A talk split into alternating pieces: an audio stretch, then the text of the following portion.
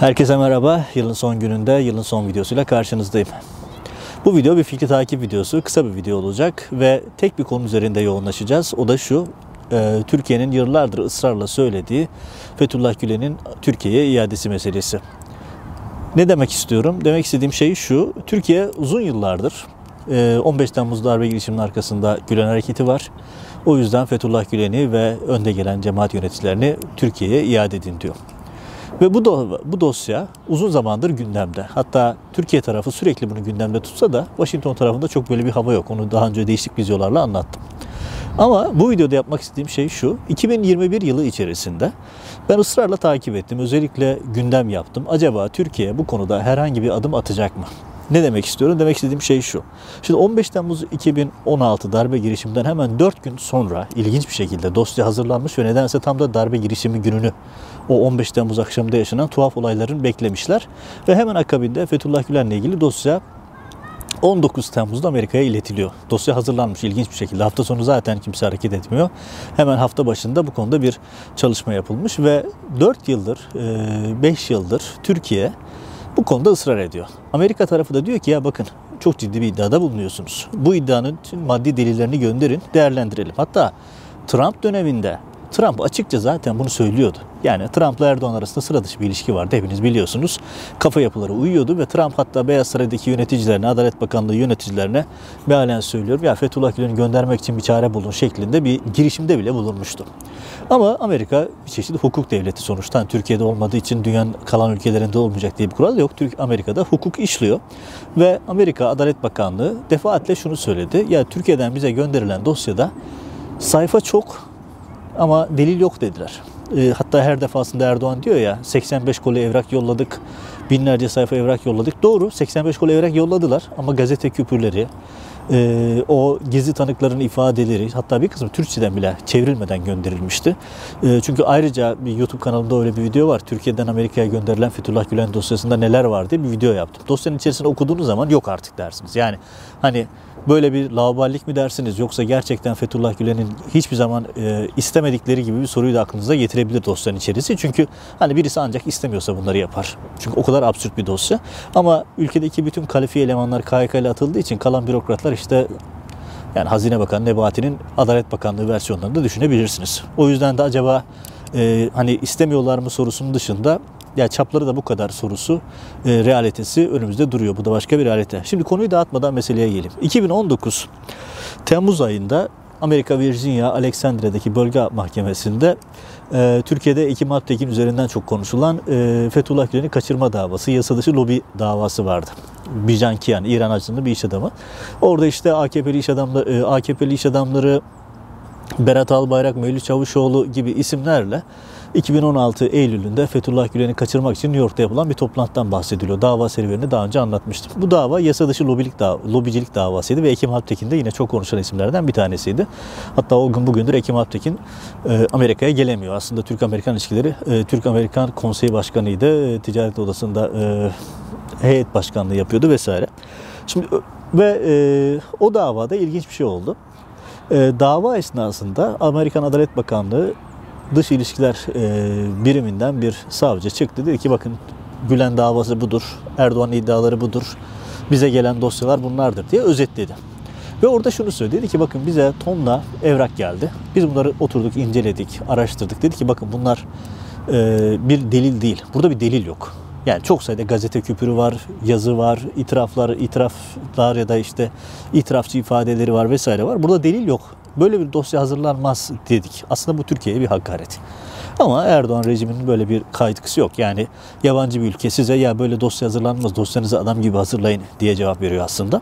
Ve Amerika şöyle bir şey yapıyor akabinde. Bunu savcı e, işte jüriye anlatırken e, söyledi. Dedi ki biz Türkiye'ye heyet gönderdik. Dedik ki bakın ya bu böyle hazırlanmaz. Türkiye'ye bir heyet gönderelim. Size öğretsinler dosya nasıl hazırlanır, iade dosyası nasıl yapılır. Ve gerçekten Amerika Türkiye'ye bir heyet gönderdi 2016 sonunda.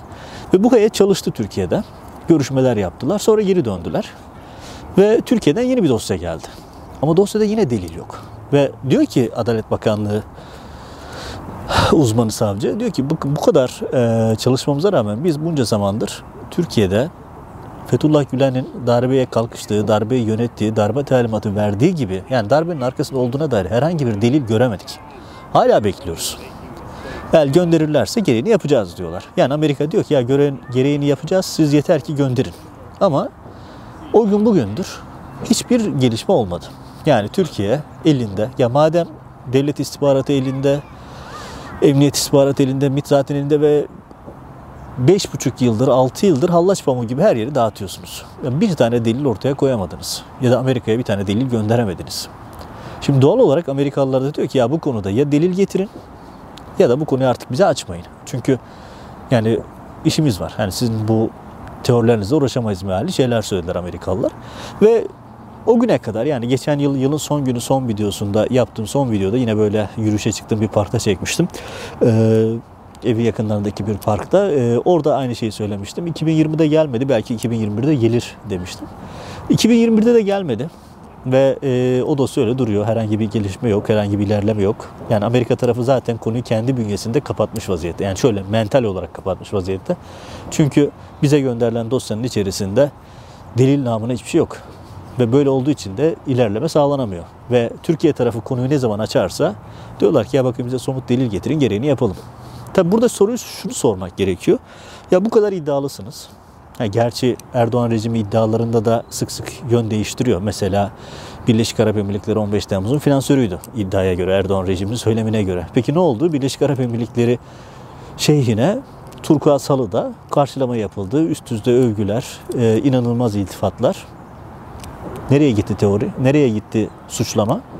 Hani madem ki darbenin finansörü oydu ve Türkiye ile ilgili birçok suçun arkasında kendisi vardı. İstanbul'a ya da Ankara'ya geldiğinde savcı harekete geçer yakalama yapardı. Değil mi? Yapamadı. Böyle bir şey olmadı. Erdoğan aksine unuttu. Üstüne üstelik havuz medyası öyle bir dönüş yaptı ki yani sanki onların hepsini kendileri yazmadılar gibi. Hiçbir şey olmamış gibi. İşte reis, tırnak içerisinde söylüyorum, reis Birleşik Arap Emirlikleri'ni dize getirdi diye manşet etmeye devam ettiler. E sonra siz bunları toplayıp hepsini Amerika'ya delil olarak gönderirseniz adamlar doğal olarak ya kardeşim bize delil gönderin göndermiyorsanız da bu konuyu artık açmayın diyorlar. Evet yani çok uzatmadan e, bitireyim. 2022'de gelir mi? Bilemiyorum. Belki Türkiye'nin elinde bir delil vardır, bir şey vardır. Gönderebilirler. Ha, varsa bunca sene niye göndermediler? O da ayrı bir soru işareti. Ama olduğunu sanmıyorum. Olsa herhalde gönderirlerdi. E peki elinizde delil, maddi e, anlamda bir delil yoksa neden ısrarla darbe söyleminde bulunup sürekli işte darbenin arkasında bunlar var, bunları bize verin diyorsunuz sorusunu iç politik gerekçelerle açıklamak gerekiyor. Konunun uluslararası ilişkiler ya da hukuk açısından çok bir izahı yok. Ama bu bir fikri takip videosu. Başta da söyledim. Ben hani Washington'da çalıştığım süre içerisinde, çalışacağım süre içerisinde kısmet ne olur bilemeyiz. Bu konu takibini yapacağım.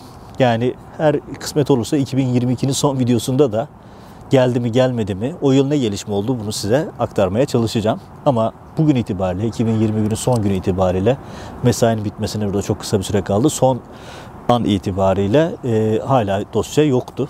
O zaman soralım. Darbenin arkasında Fethullah Gülen var. İddianıza dair herhangi bir somut deli bu yılda göndermediniz.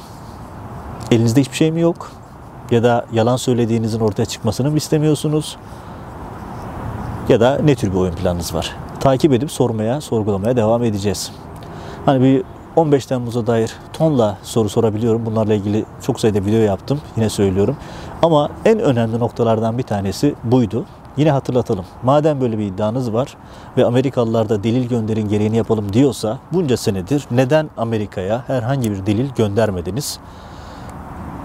Önceki yıllarda olduğu gibi 2021'de de herhangi bir delil gelmedi. Bakalım 2022'de gelecek mi? Takip edip izleyip size aktaracağız. Bu vesileyle yani zor bir ihtimal ama inşallah 2022 iyi geçer diyelim. 2020-2021 oldukça sıkıntılı yıllardı. Hani çok bir beklentim yok ama tek bir beklentim özellikle bir beklenti olarak ifade ettiğim e, cezaevindeki masumların kurtulması. Çünkü binlerce insan tabut gibi yerlerde, hücrelerde meslektaşlarımız, arkadaşlarımız çile çekiyorlar. Onların özgürlüğüne kavuşması benim 2022'den aslında en büyük beklentim bu. Umarım gerçekleşir. Biz de önümüzdeki yeni videolarda gelişmeleri size aktarır, anlatmaya devam ederiz. Evet kanala abone olur, yorum yazar paylaşırsanız da daha büyük kitlelere ulaşma imkanımız doğar. Bunu da hatırlatarak yayını bitirmiş oldum. Şimdiden iyi yıllar.